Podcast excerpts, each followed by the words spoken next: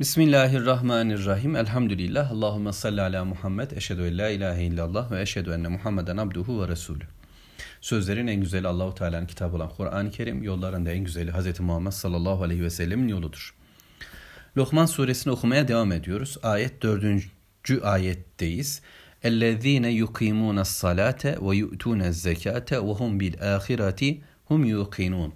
Bir önceki ayet-i kerimede Allahu Teala bu kitabın e, hidayet olduğunu, rahmet olduğunu ama muhsinler için böyle olduğunu ifade etmişti. Muhsin'i orada tarif etmiş, devam ediyorduk. Peki ama Allahu Teala muhsini nasıl tarif ediyor? Muhsin kime denir?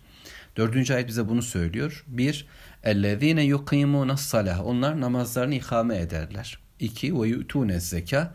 Zekatlarını verirler. Üç, vahum bir de onlar bil ahiretihum yuqinun. Ahirete de kesin bir imanla iman ederler. Kesin gözleriyle görürcesine iman ederler. Evet. Namazı ikame nedir öyleyse? Burada üç konu var. Ee, bu imanın yani sadece ahiret konusunu nasıl olacağını ifade etmeye çalışacağım inşallah ama üç özellik var Muhsin'e dair. Bir, onlar namazlıdırlar.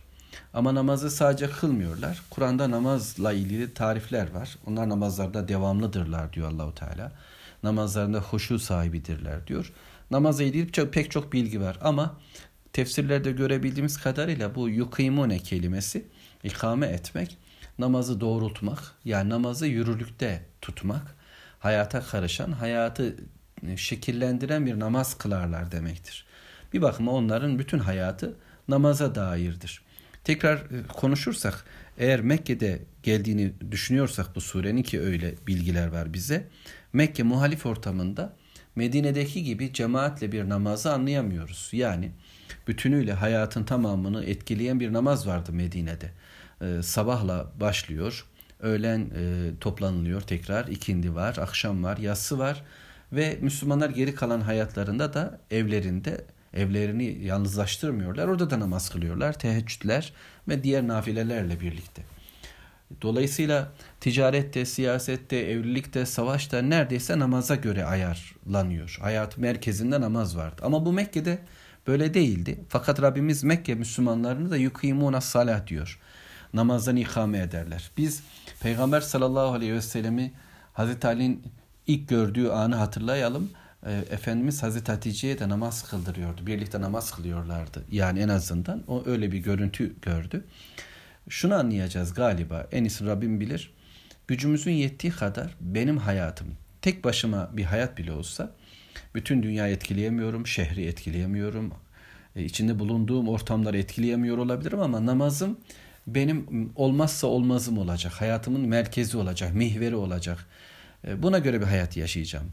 Namaza göre ayarlayacağım kendimi. Namazla bütünleşmiş bir dünyam olacak. Böylece namaz benim dinimi ifade ediş şeklim olacak. Çünkü namaz bedensel anlamda Allah'a kul oluşumun bütün ifadelerini taşımaktadır.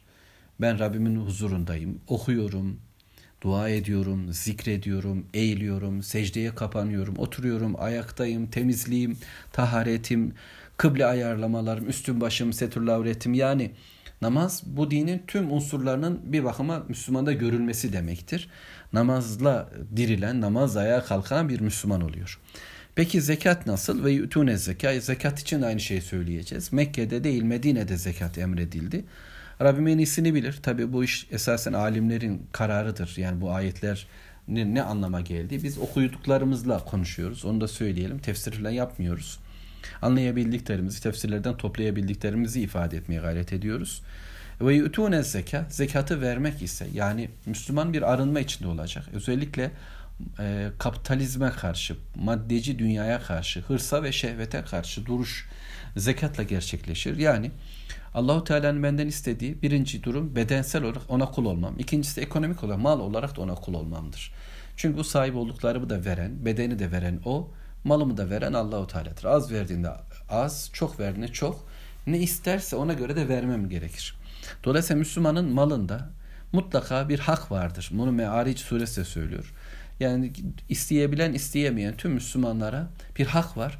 Ben onları düşürmek zorundayım. Bölmek parça yani elimdeki paramı bölüşüp onlarla paylaşmak durumundayım. Ne kadar olabilirse. Bazen bu kırkta bir olacaktır. İşte en aşağı duruptur. Cimrinin sadakasıdır bu. Ama onda bir olacak, yirmide bir olacak, e, bazen beşte bir olacak, bazen yarı yarıya olacak, bazen tümünü verecek. Ebu Bekir Efendimiz gibi. Müslümanlar içinde yaşadıkları duruma göre bu fedakarlıkları gerçekleştirmişlerdir. Sahabe neslinde buna çok örnekler vardır. Dolayısıyla kitabın anlaşılması, ayetlerin anlaşılması namazda olacaktır. Bakın tefsirler okuyacağız, hadisler okuyacağız, okumak olacak ama bunun öncesinde bununla beraber hayata intikal eden bir din olursa Kur'an bizde daha anlaşılır hale gelecektir. Namazım olursa ben Lokman suresini daha iyi anlayacağım. Eğer infak edersem, verirsem Allah adına bir verişim olursa ben o zaman daha güzel anlayacağım. Bunu anlıyorum. Ve üçüncü özelliğim vahum bir de onlar bil ahiretum yuqinun. Ahirete de iman ederler.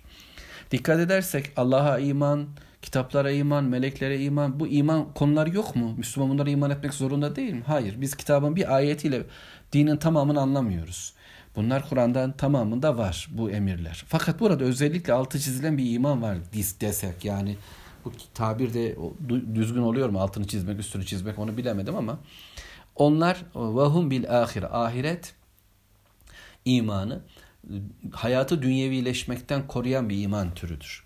Çünkü Allahu Teala'dan bilgilenmeyen, Allah'tan bilgi almayan yeryüzü insanlığı yani kendi bilgileri, kendi sezişleri, kendi tecrübeleri, kendi bilimlerine yani insana değer veren, insanı tanrılaştıran yeryüzü tüm dinleri, tüm ideolojileri ahiret yok saymıştır. Bir ötenin oğlu olduğunu reddederler. Dolayısıyla Allahu Teala bunu söylüyor. Bak bu vahyin sahibi Allah size bu bilgileri gönderdi ama bu bilgilerden hesaba çekileceksiniz. Bu bilgilerle bir hayat yaşayacak ve bunun gereği olarak ya cennet ya cehennem bulacaksınız.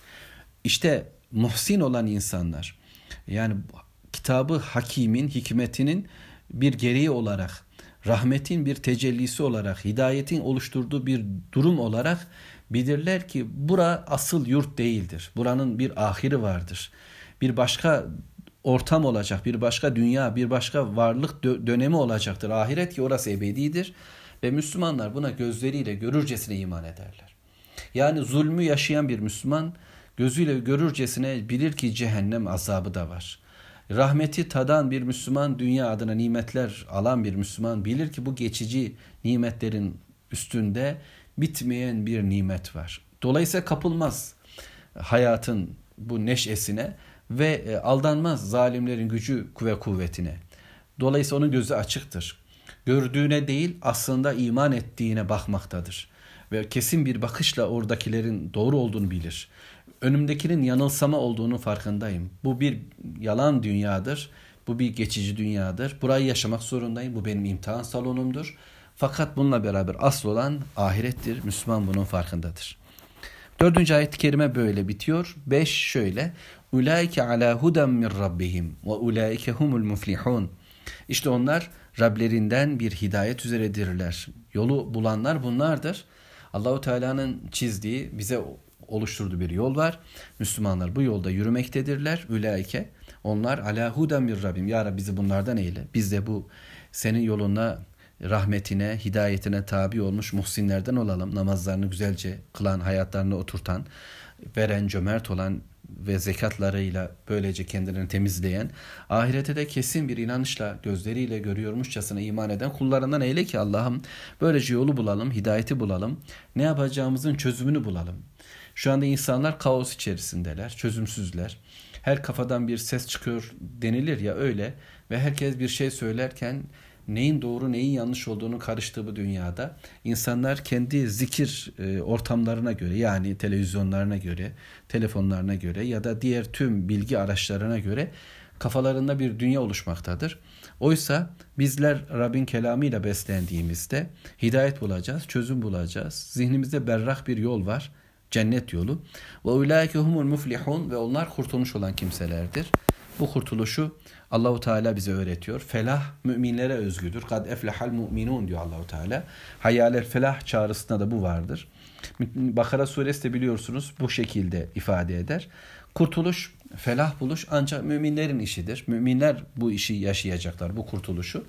Diğer insanlar bizi başarıya, kurtuluşa, aydınlığa işte ne bileyim çağırabilirler.